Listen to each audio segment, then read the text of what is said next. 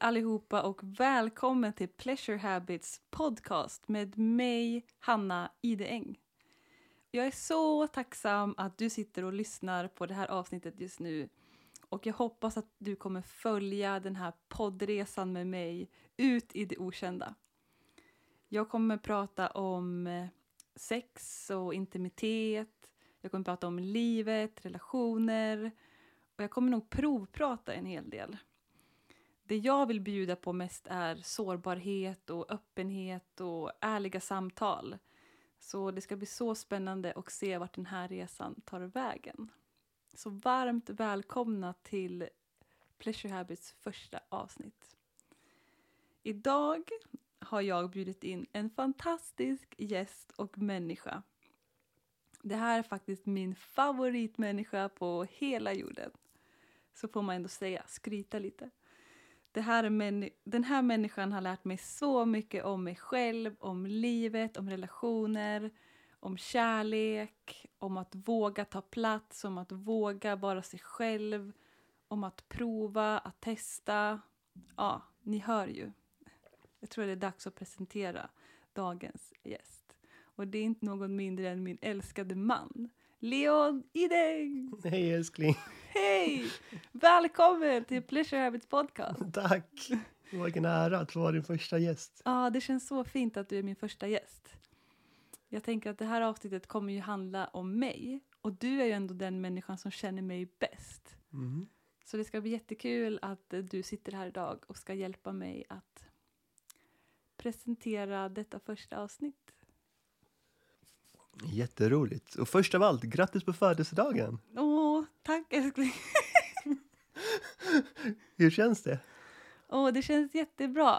Jag eh, känner mig peppad på det här året. Ja, vad härligt. Hur mycket fyller du först och främst? 33! Wow!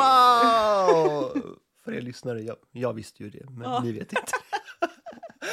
och vad härligt. Vad ser du mest fram emot det här året då? Mm. Såklart att släppa den här podden.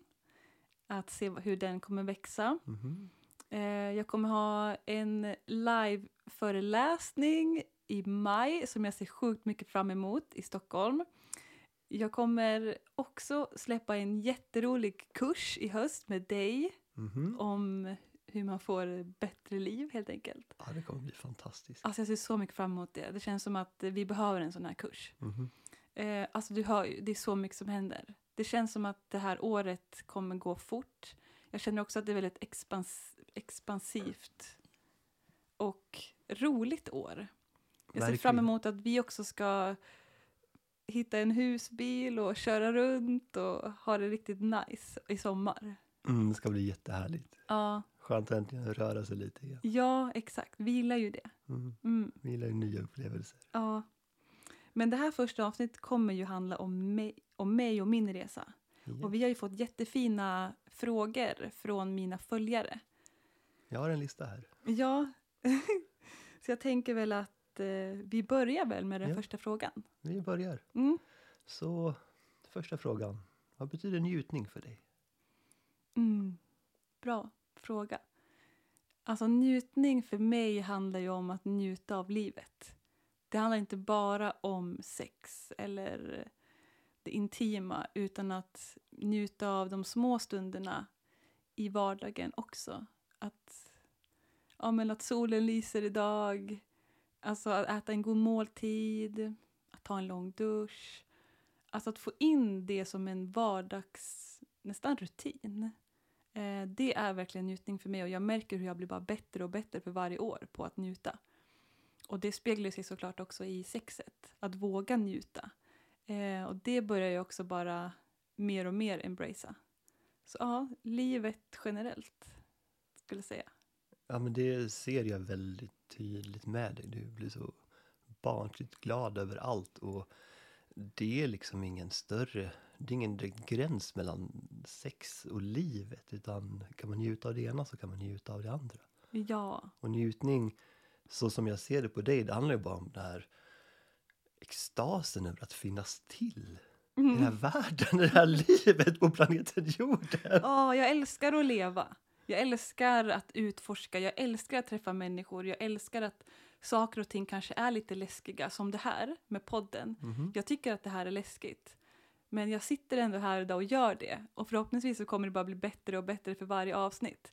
Vi kanske ska vara ärliga älskling och säga det till våra poddlyssnare att det här är inte vårt första avsnitt. Nej, det är, det är tredje Ja. gången vi spelar in nu. Ja, det är tredje gången. Jag tänker att det är skönt också att få säga det för att vi, vi lär oss under vägen. Och för mig är det så himla viktigt att rätt energi kommer ut. Jätteviktigt. Eh, så jag har inte känt mig riktigt nöjd innan. För in, innehållet kan vi. Vi vet ju vad vi, vad vi säger. Men energin är så viktigt så jag hoppas att det här blir vårt sista avsnitt vi behöver spela in. Det är så lustigt att vi kan ha sån energi i livet. Sen kommer vi till poddmickarna och plötsligt är allting jätteseriöst. Ja. Det här är en sån bra påminnelse för oss, tycker jag. Mhm. Att inte behöva vara perfekt, eller vi är inte perfekta. Och att komma ihåg det även i poddsammanhang, i allt vi gör egentligen. Att ja, men vi får provprata och testa oss fram. Vi, vi, vi kan inte heller tro att vi kommer vara bäst när vi aldrig har gjort det här förut.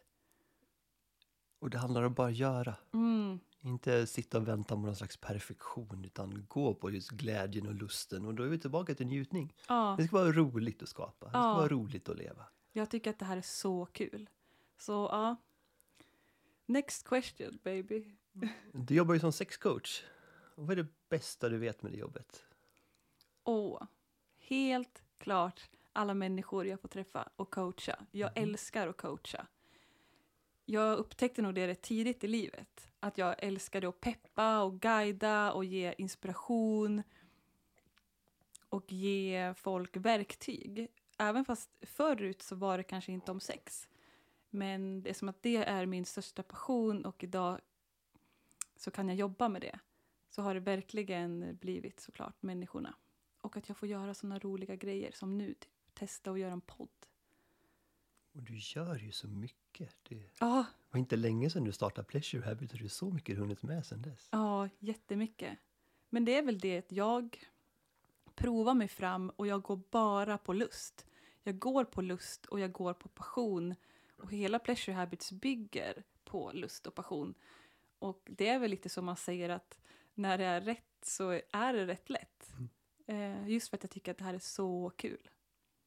Ja, det är inte så mycket motvind att kämpa i direkt. Nej. Ska vi, ska vi prata om din resa då? Från, Mm. från noll till Pleasure Habits. Hur, hur började allting? Vart började du? Var, varför gör du det här? Åh, den här frågan är jättestor eftersom att det finns ju inte heller något rakt svar. Jag ska försöka att Ja, men ta en formulera. liten del. Vi har ändå en hel podd på oss. Och, Ja, exakt. Mm. Nej, men jag började nog när jag var 18, när jag fyllde 18 och man fick börja gå på krogen. Mhm. Eh, och upptäckte hur kul jag tyckte det var att flörta och att vara eh, på dansgolvet i min feminina energi. Alltså flörta för mig var nästan som en sport. Alltså jag tyckte det var så roligt och jag kände också att jag var, var bra på det. Och det handlade inte heller om att så här, Åh, nu skulle jag få folk som jag skulle ha sex med, utan det var mer att själva jakten var roligare än själva målet. Såklart, Mm, som såklart. livet i sig. Ehm, så jag eh, dejtade väldigt mycket, eh, ja, flörtade, hade sex, ehm, men kände nog aldrig riktigt... Alltså, jag tyckte verkligen att sexet inte var så kul. Jag fick inte ut någonting av det, utan jag tyckte det var roligare fram till sexet.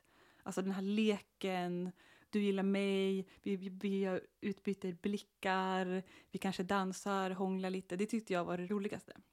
Det är väl alltid så att vägen är roligare än målet eller vad man säger. Ja, också för att jag tyckte inte att sex gav mig någonting. Mm. Men jag var ute, jag är väldigt nyfiken som person så jag bara bestämde mig för att jag vill också se världen. Så jag har varit ute och rest väldigt mycket. Och jag har varit på såna roliga alltså dejter och träffat så roliga män. Jag fick inte så mycket ut av själva sexet. Eh, det var roligare att leka. Du ska få berätta om några sjuka dejter och sånt du haft på resor men Ska vi, ska vi prata först om ditt sexuella uppvaknande? Ja, Du sa att du inte gillade sex så mycket, det var inte din grej, men eh, så är det ju inte nu. nej. Ja, som sagt, jag var ute och reste jättemycket. Ehm, träffade många killar. Jag hade väl en längtan av att kanske skaffa min pojkvän men jag kände nog aldrig att det klickade riktigt. Eh, och jag var nog ändå rätt disconnectad från min kropp egentligen och min sexualitet. Vilket gjorde det också svårare. Men då sen när jag fick min första pojkvän när jag var 22 och det var då jag upptäckte att jag tyckte att det var svårt med att njuta, att slappna av, jag kunde inte heller få orgasm. Den typen av sex som man har när man är ung, jag kände att jag inte fick ut någonting av det. Jag kände att det inte gav mig någonting. Och det var väl där jag började frågasätta också. Så här, är det här allt? Alltså om vi ändå är människor på den här planeten borde det inte vara mer än det här? Ja men du vet så här klassisk porrsex. Eh, väldigt fokus på prestation. Och ibland kunde jag till och med känna mig ledsen efteråt för att jag kände inte att min njutning fick ta plats. Mm. Så där började jag liksom söka mig utåt. Jag började mm, först lära mig om meditation. Jag gick några så spirituella kurser. Jag eh, lärde mig ja, att meditera. Jag lärde mig att, att koppla på andningen. Så jag sökte mig jättemycket utåt. Du vet, hittade Eckart Tolle, The Power of Now och bara oh my god, det finns någonting större och jag tror jag alltid har känt det. Men jag har nog Mhm. inte förstått vad det var jag har letat efter. Mm. Så det ena ledde till det andra. Och sen så hittade jag en podcast om tantra. Och det var som att det var som att någonting i mig mjuknade och att jag plötsligt förstod någonting som jag inte har som jag inte förstod tidigare. Alltså att min kropp bara wow, det här, det här är någonting som resonerar. Och jag tror inte att det var tantran i sig utan mer att jag såg att man kan ha sex och älska på ett annat sätt. Mm. Som mer är gjort för att vara människa. Alltså att inkludera känslor, att vara närvarande, att vara i upplevelsen, att få göra fel, att få prova, att titta varandra i ögonen, att ta det lite lugnare. Alltså allt det där. Kanske lite mer livsbejakande sex. Ja. Alltså, jag vet inte om du har sett den här filmen, men jag får den bilden i huvudet, för det var så det kändes. När jag upptäckte eh, det här, plöjde en hel podcast på säkert så två dagar, var helt mindblown. Och jag, det kändes som att jag hade sprungit upp för den här trappan som Rambo gör i den här filmen, när han typ så här peppar sig själv för att vinna en tävling och ställer sig och skriker någonting. Så kände jag. Jag bara, jag har förstått. Jag har förstått någonting. Wow. Alltså det var mitt första sexuella uppvaknande för att in, då förstod jag att så här, wow, min kropp, det här är det min kropp har längtat efter. Det är det här som jag eh, vill utforska. Ehm, ja, och Eh, jag hade verkligen den här frågan, bara, men gud, varför är det ingen som pratar om det här? då? Varför är det inte det här det vi lär ut? Att vara en kännande människa. Så ja, där var liksom mitt första genombrott sexuellt. Och det var då jag också började söka mig till fler alltså, böcker och kurser och sådär.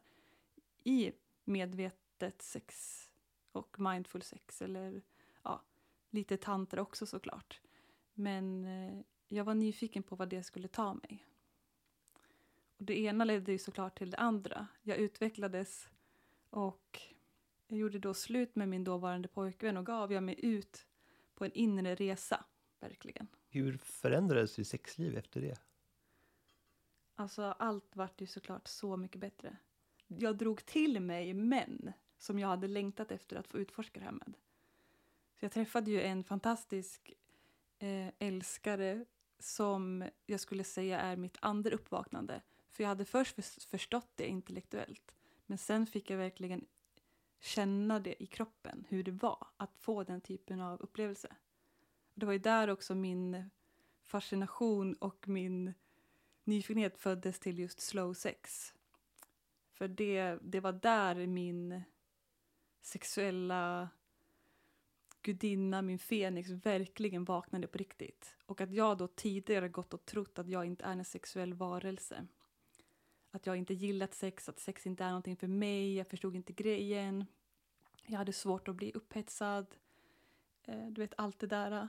Till att helt plötsligt allt bara föll, föll på plats. Ingenting var svårt. Eh, och det är där också min drivkraft såklart ligger idag. Att lära folk om att det finns annat sätt att älska på.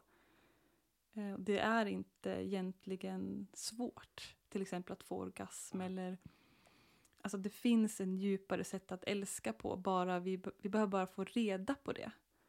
Eh, vi behöver bara veta att det finns ett annat sätt.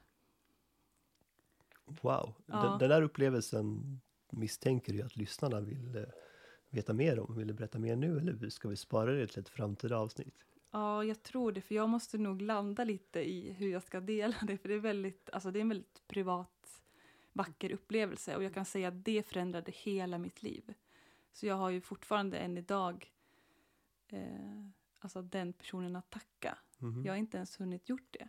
Men eh, jag tror att jag för, först jag förstod där och då att jag inte var trasig eller onormal utan att jag utan att jag hade haft fel typ av sex bara. Det var inget fel på dig. Nej, och det har aldrig varit det. Och det är så med alla kvinnor. Det är därför min passion ligger att hjälpa kvinnor. Alla män också måste jag säga. Det är Mm. faktiskt inte något fel på någon. Nu har vi bara lärt oss fel och vi har egentligen aldrig lärt oss. Jag måste säga att jag har ju lärt mig så mycket av att leva med dig de här åren. Det är Mm. helt otroligt. Det är sån raketfart hela tiden. Och det är bara hela tiden nya nivåer, nya höjder och djupare och djupare trygghet. Mm. Det är bara så himla enkelt att finnas till med det. Och det hänger upp i just det här, den här fullkomliga acceptansen. Ja, alltså när vi förstår att sex handlar om att uppleva någonting med en annan människa. När vi förstår det och vi kan verkligen ta den informationen, transformera den och känna den i vår kropp. Alltså vi kan inte gå tillbaks till det gamla. Alltså vi har ju gjort den resan tillsammans verkligen. Mhm, verkligen. Eh, vi gjorde ju ett val också i början på vår relation. När vi bestämde att så här, nej vi vill inte ha porrsex eh, som inte ger oss någonting. För att det var nästan så att det skadade oss mer. Eh, och vi bestämde oss då så här, nej men då har vi inte sex. Utan vi har sex när vi väl får chansen att verkligen fördjupa vår sexuella upplevelse tillsammans. Det var ju också en svår situation i livet i början där med Mm. en knarrig säng och grannar som renoverade mitt i natten och skrikande barn. Det var, det var inte så himla lätt att börja etablera något bra så det var jättebra att vi bara väntade. Mm. Och det här tycker jag att vi ska prata mer om i framtiden. Jätteviktigt. I något poddavsnitt faktiskt. Och att våga göra det som ett par som precis har träffats. Att bara, Ja. men vi är inte redo att ge allt vi vill och 80 procent räcker inte. Liksom. Ja, och att nu, tre år in i vårt förhållande, vi är ju gifta till, till och med. Alltså, vi, allt, alltså, allt blir ju bättre varje dag. Och man kan inte tro att det blir bättre, så blir det bättre. Ja, och det är det tror jag också som är så himla viktigt att förstå i en lång relation. Att man, jag tror man har en bild av att sexet blir sämre för man har inte kvar den här passionen som man hade i början. Ja, man gör samma sak igen och Mm. igen. Och, Men att ha det här nyfikenhet, att alltid vara nyfiken på varandra och att våga prova, våga testa. Ibland kanske till och med inte ha sex eh, i perioder. Att, prova det. Ja, och verkligen så här, lyssna in på sin kropp. Jag har ju blivit expert på min kropp nu för att jag verkligen lär mig så här, hur min cykel funkar, hur min sexlust ser ut, vad för typ av sex jag vill ha vissa eh, perioder. Det är ju så att du knappt hinner med ibland. Du, du vill ha, nu är det en ny fas. Jag har ju lärt mig det genom åren också, men det går fort. Det går väldigt fort för oss och det är fortfarande efter tre år som att vi knappt hunnit börja. Mm. Så ja, de två liksom sexuella upplevelserna, alltså att jag först förstod att det fanns någonting större Och att sen så fick jag uppleva det. För då väckte jag ju min lust och efter det, jag har liksom inte kunnat gå tillbaka. Så där lovade jag också mig själv att jag aldrig vill ha sånt onödigt dåligt sex längre. För att det ger mig ingenting. Dåligt eller halvdant sex är ju inte värt. Det Nej, men- skadar mer än det ger. Ja, för mig i alla fall. Jag tror för alla. Ja, ja. Och att bara inse att det finns någonting mer. Sen såklart har jag haft jättemånga fina upplevelser. Det har läkt liksom, trauman. Där jag såg färger och började gråta just av slow sex. Eh, för det är en sån fantastisk... Alltså när vi är långsamma. Alltså jag kan prata om det här eh, hur mycket som helst. När vi verkligen är långsamma. Det är ju då också vi kan eh, slappna av och släppa taget av de här gamla mönstren som sitter kvar i vår kropp. Eh, och läkning kommer ske. Och att man hittar någon som vill hjälpa en med det. Alltså jag attraherade ju in en sån person i mitt liv då. Och sen när jag hade fått den här upplevelsen, det var som att jag gick vidare i livet. Jag bara tack och hej, det var jättebra, vi hörs aldrig igen.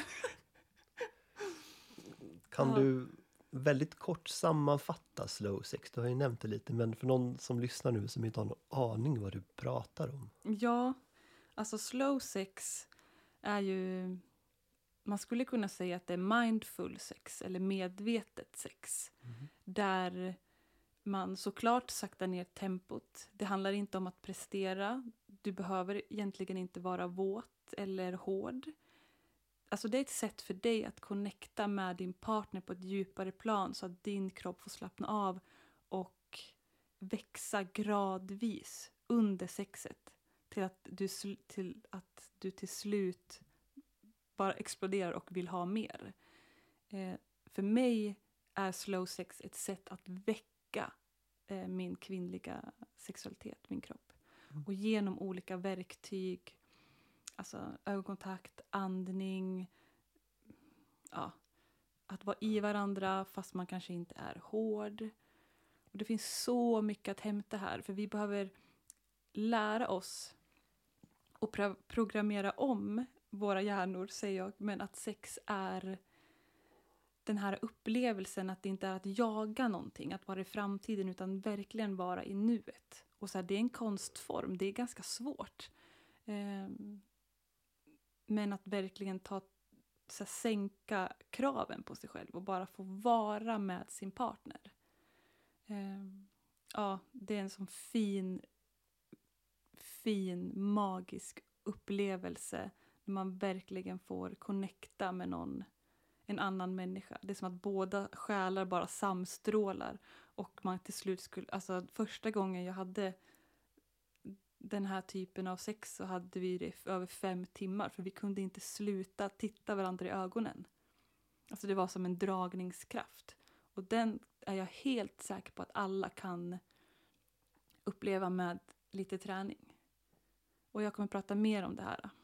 Mycket mer. Ja, jag har ju faktiskt webbinarie den 7 mars. Eh, så du får jättegärna komma på det. Du anmäler dig bara på min hemsida pleasurehabits.se. Så kommer jag prata mer om vad slow sex är, hur man introducerar det till sin partner och hur man gör, hur man startar. Ja, allting. Vad spännande. Ja, Så se till att lyssna på det. ja. Så kom och var med. Det är gratis. Vi har en lyssnarfråga här som är väldigt relevant, som egentligen bara är en följdfråga nästan. Eh, som är, vad ägnar du din uppmärksamhet åt när du älskar med dig själv eller någon annan? Och det är ju precis det vi pratar om, det här meditativa närvarande nästan. Mm. Men vad har du att säga om det? Alltså verkligen, när vi sänker tempot, både när vi älskar med någon annan eller när vi älskar med oss själva, så har vi också tiden, vi har tiden att, att känna vad som verkligen händer, så vi kan lyssna mer på kroppens signaler. Så jag tar alltid hjälp av, för det första, att vara långsam i mina rörelser. Mm. Att inte känna att det finns något krav på att jag ska komma eller att jag ska någonstans utan att det bara handlar om att jag ska uppleva. Och sen såklart andningen. Att andas djupt och långsamt. Jätteviktigt. Jätteviktigt. Alltså blunda, gå, försök gå in i, din, i upplevelsen i din kropp. Ta djupa andetag, in och ut. Eh, och så här, vi kommer såklart alltid tänka, för vi är tänkande varelser. Men man kan verkligen träna på att vara i upplevelsen. Och det är så det som slow sex hjälper dig med. För när du är där i upplevelsen med din partner och gör allt långsamt, då hinner du med. Och när vi hinner med, då känner vi mer. Och när vi känner mer så är det lättare också att känna sensationer eller om man vill få orgasmer. Alltså det blir som en hel värld som öppnas. Så, Så Det du förespråkar är långsamt och mjukt istället Ja. för snabbt och hårt. mm, verkligen. Jag tycker att vi har börjat i fel ände när det kommer till sex. Tänk om vi började här istället. Att vi fick lära oss att så här, börja i det mjuka, det långsamma. Och sen kan du gå över till det snabba, hårda. För att vi behöver både och. Jag säger inte att vi bara ska ligga långsamt. För det ena föder ju det andra. Men om vi går till det snabba direkt och det hårda på en gång. Då upplever jag i alla fall att jag inte känner lika mycket. Och då har jag mycket lättare att börja tänka och bara så, gud jag måste få orgasm eller så här. Och då tappar jag vart jag är och jag tappar min kåthet och min lust. Och att istället då börja med det här långsamma som sen kan gå över när du har byggt upp den här sexuella energin. När du har byggt upp den i kanske under en timme, helst längre, men minst en timme. Det är då saker och ting verkligen, verkligen börjar hända. Så är det. Ja. Så jag kommer nog prata mycket om det här i podden. Men det Mm. handlar ju om att hinna med för ett sånt här som du kallar porrsex, det här snabba, hårda, normativa som alla tror det ska vara. Jag håller helt med om att det är fel ände för att mindful sex det är ju det minsta möjliga. Det Mm. handlar bara om att vara där, närvarande, fullkomligt där med sin partner. Mm. I ögonblicket. När det börjar handla om massa ställningar, orgasmjakt och sådär. Kvinnan hin- hinner inte med, mannen kommer alldeles för fort. Det är väl någon slags standardsex liksom. Och det, Ja. det är så tråkigt om det skulle stanna där, om folk inte får uppleva mer. Ja, det är då jag tror att det blir en stagnerad energi. Och som jag upplevde, jag stängde ju av min lust och min sexualitet. Och kände inte alls att jag var, alltså jag var ju aldrig sugen på sex. Eh, för att jag hängde ju aldrig med. Och jag kände att jag aldrig, jag fick inte ut det som jag önskade. Och när då jag fick höra någon sätta ord på vad min kropp hade längtat efter. Alltså det var ju helt magiskt. Och det är därför jag preachar om att, alltså, att inkludera känslolivet. Att vara närvarande, att testa att vara i upplevelsen och att börja att träna på det utanför sovrummet. För att vi kan träna oss till allt. Det är det som är så häftigt. Alltså oavsett hur gammal man är eller vilken livssituation. Det är som att man går till gymmet och tränar muskler. Man kommer inte få muskler första gången. Utan det kommer ta ett tag. Och samma är det ju med njutning och att lära sig att komma ner i sin kropp, att andas, att ta det lugnt. Det är ju liksom en livsstil. Eh, och om vi alltid är på språng hela tiden och om vi alltid är i huvudet. Det kommer ju spegla sig i vårt sexliv. Men att hitta pauser, andrum i vardagen. Det kan vara någon minut att connecta med ditt andetag eller du vet. Jag älskar att så här, bara svinga en kettlebell, få lite flås i kroppen. Vara ute mycket.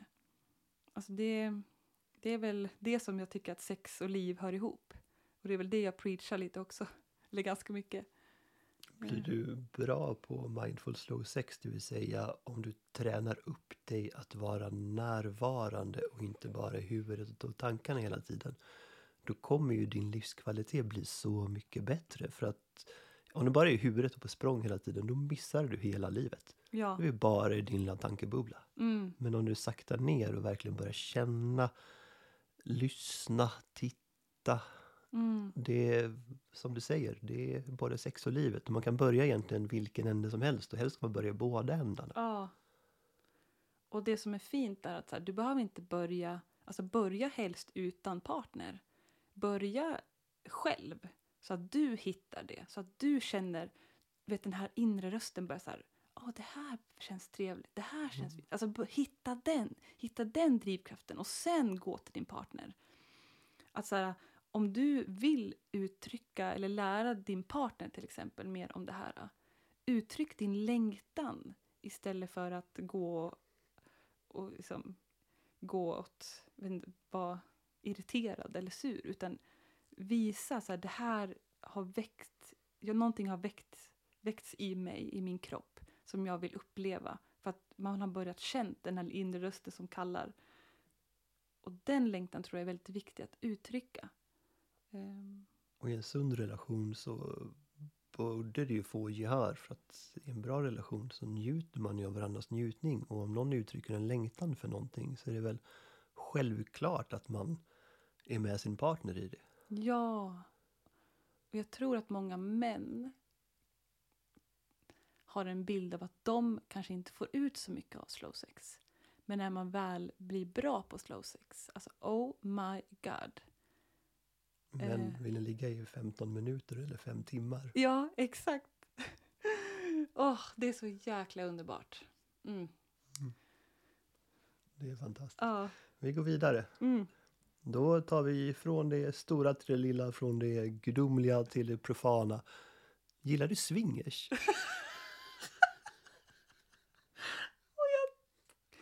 Gud, vilken älsklingsfråga. Åh, jag har inte jättemycket att säga om swingers för att jag har, det är liksom inte, jag är inte där i livet.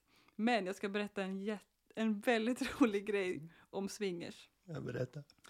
När jag eh, var au pair i USA så hade jag en vän som frågade mig om vi skulle åka på spring break tillsammans. Alltså man åker bort en vecka och festar. Eh, jag bara absolut. Hon bara, men vi måste hitta ett hotell som är barnfritt. Och vi bodde i USA då, vi hade ganska nära till Mexiko. Cancun. Eh, och hon bara, jag har hittat ett skitbra hotell i Mexiko, Cancun. Och så sa, jag, sa hon hur mycket det kostade. Jag bara, vet du vad? Boka, jag litar fullt ut på dig. Det här kommer bli skitbra. Ja, vi bokar. Tiden är inne. Vi kommer till Mexiko, du vet, landar på flygplatsen. Har en sån här shuttlebuss som hämtar upp massa folk som ska till sina hotell. Ja, vi börjar släppa av folk, åker vidare till nästa hotell, släpper av ett till, liksom ett till par eller ett sällskap, åker till nästa. Och till slut är det bara vi kvar och vi tittar på varandra och bara säger, men gud, vart är det vi ska någonstans? vart är vårt hotell? Och den här Eh, mannen då som kör shuttlebussen, han typ tittar lite på oss. Så här, vi är två blonda unga svenskar som bara, hej! jag, jag tyckte han hade lite konstig liksom, look på oss. Jag tänkte inte så mycket mer på det. Tills han då släpper av oss på vårt hos, hotell. Ja, alltså det var så sjukt. Då släpper han av oss och ger oss en väldigt speciell blick. Och vi vänder oss om och är på väg in och då möts vi i entrén av den här halvnakna italienaren i Speedos som välkomnar oss med världens grovaste italiensk accent, engelskan. Och bara “Hello girls” och så sa han så här “Do you want me to be your firefighter or policeman?” Och vi bara tittade på varandra och jag kände bara så här, var är det vi har hamnat någonstans? Du vet, bara så här, det var all inclusive hotell så vi bara gick direkt till baren, tog liksom en Malibu orange juice, jag kommer ihåg att vi drack det så mycket, jag bara slukade den, gick upp på rummet, tog en nap, vaknade och bara så här, vart har vi hamnat? Och då visade det sig att vi bodde på en swingers, ett swingershotell i Mexiko! Och vi hade ingen aning om att vi hade bokat det. Där kommer vi se två så här, blonda svenskar. Men när vi väl var så här, okej vi får bara göra bästa situationen. Alltså vi hade så jäkla kul. Alltså vi träffade de sjukaste människorna. Vi hade karaokekvällar. Vi åkte jetski. Vi drack så jäkla mycket sprit. Och vi hade såna sjuka så här danskvällar. Och, alltså det var, jag hade så himla roligt. Eh, så ja, det var väl det jag såg av swingersvärlden. jag, jag vet inte vad de gjorde sen på kvällarna men vi hade då jäkligt kul. Eh, ja, Kul. Ja. Var det mycket flörtande eller Nej. körde ni bara eran grej? Alltså det var det, vi var så här, vi fatt... Alltså hade man inte vetat att det var swingers så hade man nog inte förstått det. För jag var så här, men gud, kommer man se folk som ligger överallt eller vet, hånglar eller flörtar? Men det var ingenting. Det var som att så här, på dagtid så levde man bara så här, vanligt liv, gick åt lite mat, du vet. Och det var väl på kvällarna då som folk levde livet kanske.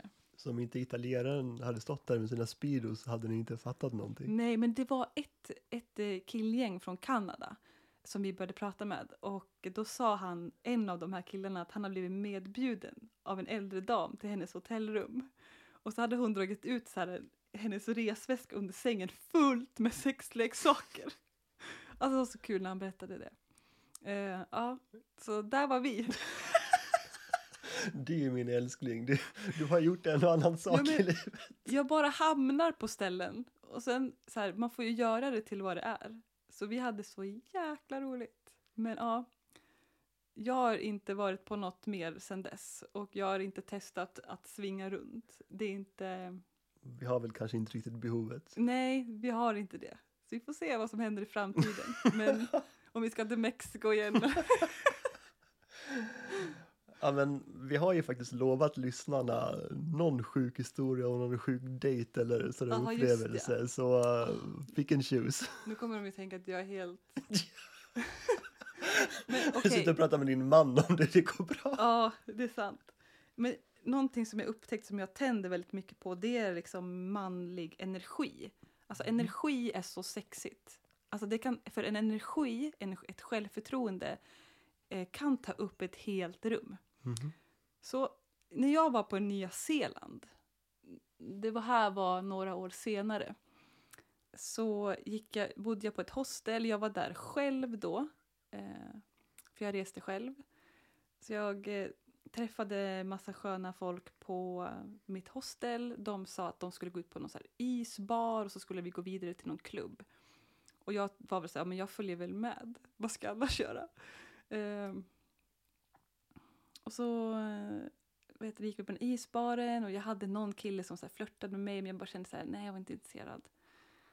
Så kommer vi till den här baren, eller nattklubben och dansade och jag var ändå så här sugen på att så här, alltså jag var ändå på lite så här flörtmode och jag, och jag är ju ganska lång så jag var alltid så här, du vet, checkar av i rummet och bara så här, vem är längst, vem är snyggast, så här, han ska jag ha typ.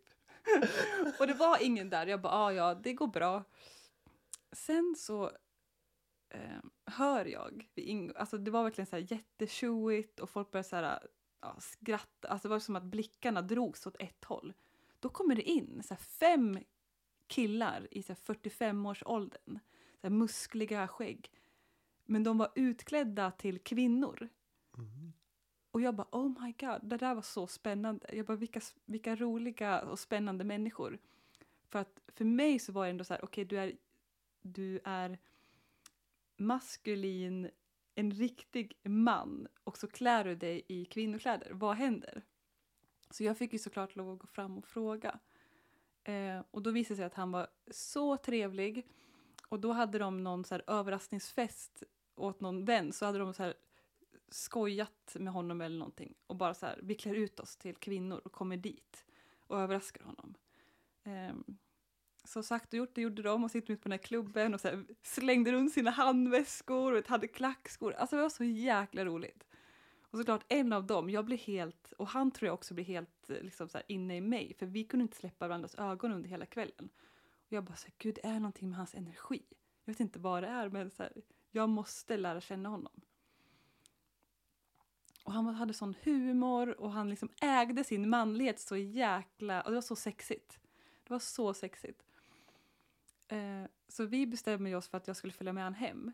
Och han bara så här, jag bara, men vart bor du? Han bara, nej jag har ett skitstort hus här uppe på berget i Nya Zeeland. Jag bara, oh my god, jag ville typ bara gå dit för att liksom se vart han bor. Mhm. Så då gick vi hem, båda med varsin handväska och vi bara skrattade åt hela situationen. Det var så roligt. Och han bara, ah, här bor jag. Och det, då, har ju han, då bor ju han i en van. Var det på ett berg i alla fall? Nej, det var på en sån här parkering! Han var bordsittare. Ja!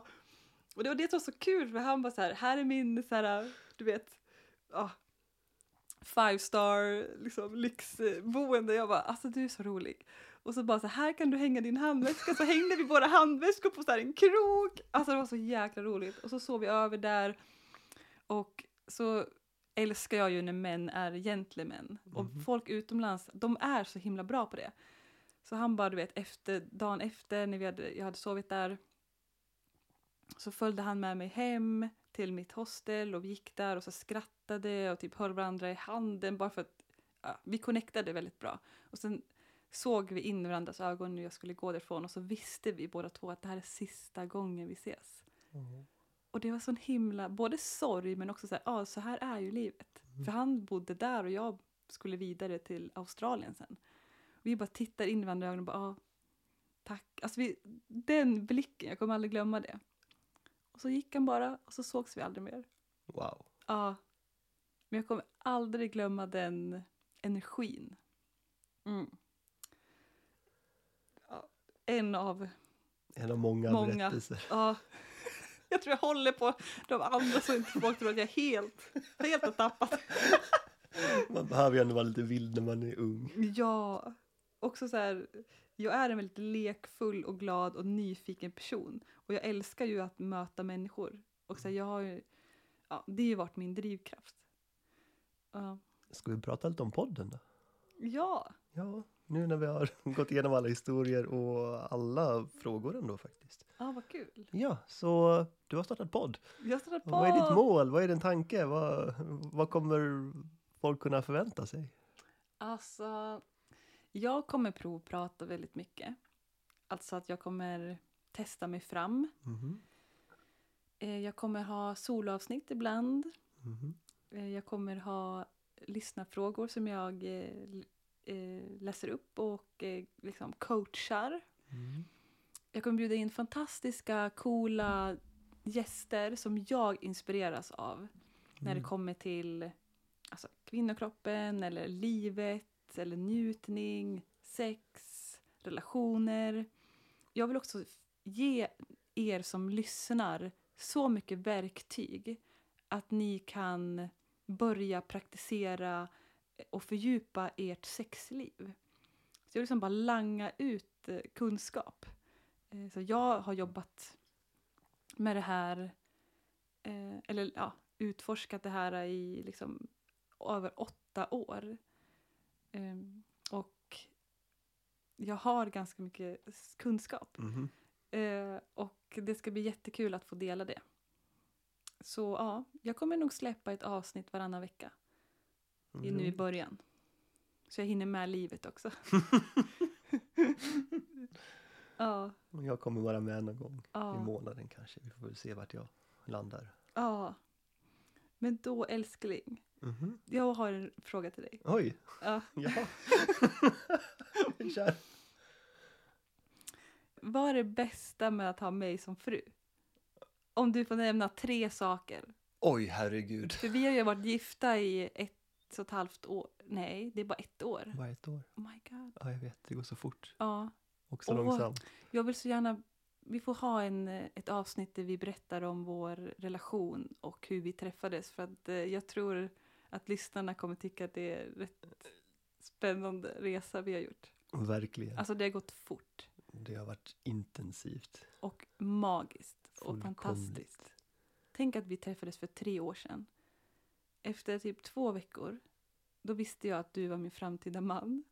Då Ett bodde halvår. jag 400 mil bort. Ja, du bodde 400 mil bort. Nej, det är inte alls 400. vad fan. Men det var en, en annan ö, ett annat land, ett annat liv. Och du visste. Och jag visste. Alltså jag var så säker. Jag kommer ihåg min mamma bara, men ska ni inte träffas först? Jag bara, nej, alltså jag vet redan att vi, att här, han är min, han är min människa. Ett halvår senare förlovade vi oss. Tre veckor efter att jag kommit till Sverige. Ja. För vi visste det. Ja, Det var inget, vi började prata och sen slutade vi inte. Ja. Åh, jag blir så varm bara att prata om det. Mm, det är Men- jättefint. Ja, och nu är vi gifta och har hus. Åh herregud. En konstig lapphund. Du ska kunna välja ut bara tre saker som är det bästa med dig. Älskling, du är den bästa människa jag någonsin träffat. Du är så bra på livet. Du är så lekfull och så glad hela tiden. Du är en fullkomlig mästare på tacksamhet. Det som spirituella gurus försöker lära ut, det är liksom så här, du tar det med en klackspark, det är det du född med. Du kan, eller du är inte född med, du har tränat upp det. Det är det som är så häftigt. Du har verkligen tränat dig till att vara så bra på livet. Wow. Du är så... Jag är långt ifrån klar. Okej. Och du är så fullkomligt accepterande.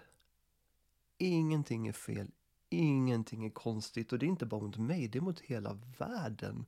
Det är, jag märker det när du pratar med folk och i ditt jobb och allting också. Det är så här, alla smälter för alla får vara precis som de är. Jag tycker ingenting är konstigt. Folk kommer med sina så här djupa hemligheter och du bara, ja, det är väl okej. Och du menar det på djupet. Ja! Men, ja, jag antar väl att, men gud, ja, jag har väl bara tränat på det här. du får gå in i din kvinnlighet och jag får gå in i min manlighet. Och vi, vi är inte så vana vid det här, så vi får utforska det tillsammans. Åh, jag smälter av dina ord. Mm, och Och att jag, vi är verkligen på samma resa. Och det som verkligen, verkligen, nu har jag sagt bra saker, men det som verkligen fångade mig, det är din fullkomliga dedikation. Att även när det har vacklat, för det är klart, det har gjort det även för oss i början. Nu minns jag inte när det vacklade sist, det var nog länge sedan.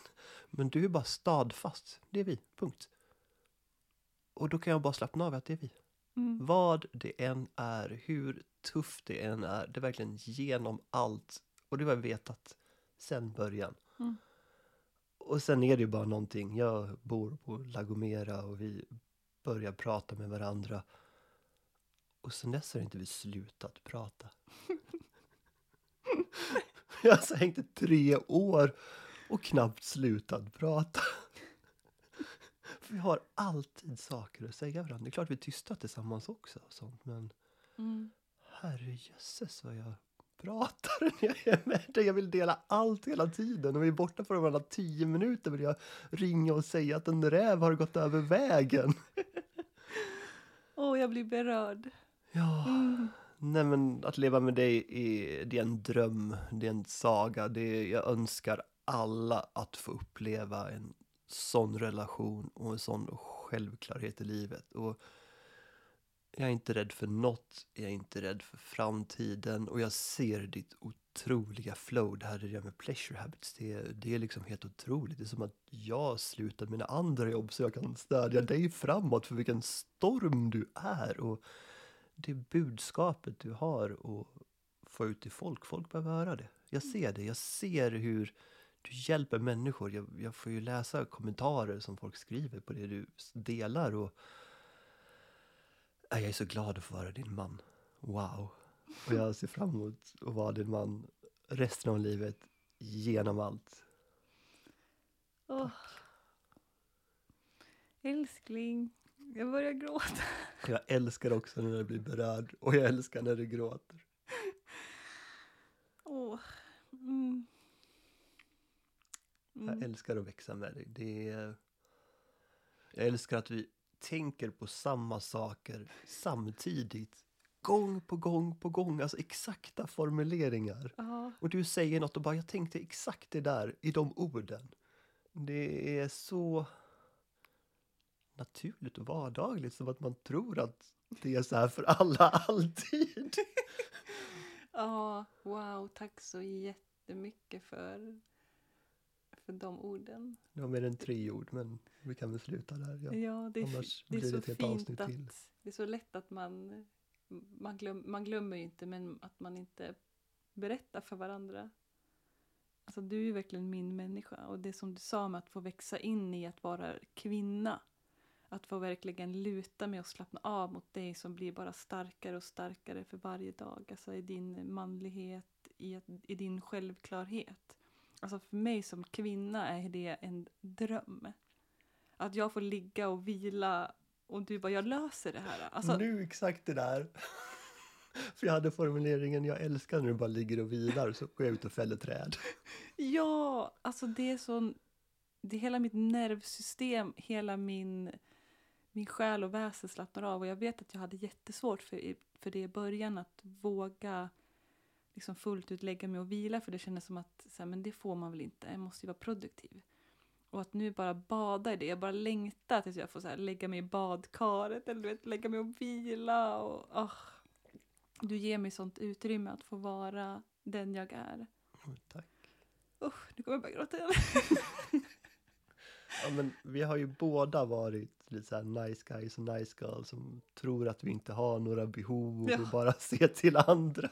Sen träffar vi varandra och inser att vi får faktiskt önska saker och vilja saker Mm. och vi får våra behov uppfyllda och tillfredsställda utan, utan några konstigheter. Ja, och det är ju verkligen, nu pratar vi om vår relation ändå, men det är ju också verkligen för att vi har från dag ett, alltså så här, jag hade en inre längtan så innan jag träffade det, att så här, nästa man ska vara min man, alltså min framtida man. Och oavsett, oavsett om, vi, så här, om något skulle hända och jag skulle bli hjärtekrossad så har jag gett mitt allt. Och jag minns också första samtalen vi hade. Första dagarna bara grillade vi varandra. För ingen ville ju ha en relation utan det är så här, jag, jag, jag tolererar inte det här, det här, det här, det här. Jag vill det här, det här, det här. Och allting matchade. I tre dagar höll vi på. Sen dess visste vi. Så vi har en liten roligt intern grej att vi alltid säger så här, ja men från dag tre. Och vi kommer prata mer om det här i Ja. något framtida avsnitt. Ja, det vill jag verkligen göra. Jag tror att jag kommer bjuda in dig rätt ofta. Jag tror lyssnarna också kommer tycka att du borde vara med oftare. Jag är gärna med. Mm. Så tack så jätte, jättemycket älskling Tack själv älskling. för att du har varit med och stöttat mig i mitt första avsnitt för det har varit lite pirrigt. Eh, tack för den klippa du är och din kunskap. Och sen tack och tack så hemskt mycket till alla er som lyssnar och som jag hoppas kommer sprida den här podden till dina vänner, eh, till din partner, till alla du tror som eh, vill höra mer och lära sig mer och lyssna bara på öppna samtal. Så jag hade blivit så glad om du vill skriva någon kommentar, några ord på vad du tyckte eller vad du tänkte och ja. Jag så, jag älskar när ni ger mig feedback och eh, ja, skriver i DM eller skickar mail. Det är så kul. Jag tror, jag är inte så bra på podden, men jag tror att man kan ge stjärnor. Så du får jättegärna ge mig några stjärnor. Mm, för poddens skull, ge oss fem stjärnor och skriv en kommentar. Det gör jättemycket. Ja. Inte bara för oss utan så att andra Ja. hittar podden. Mm. För att jag tror du har ett budskap som många mår bra av att höra och ta till sig. Ja, jag hoppas det. Så tack så jättemycket så ses vi om två veckor igen. Puss och kram. Ha det bra. Ha det bra. Hej då.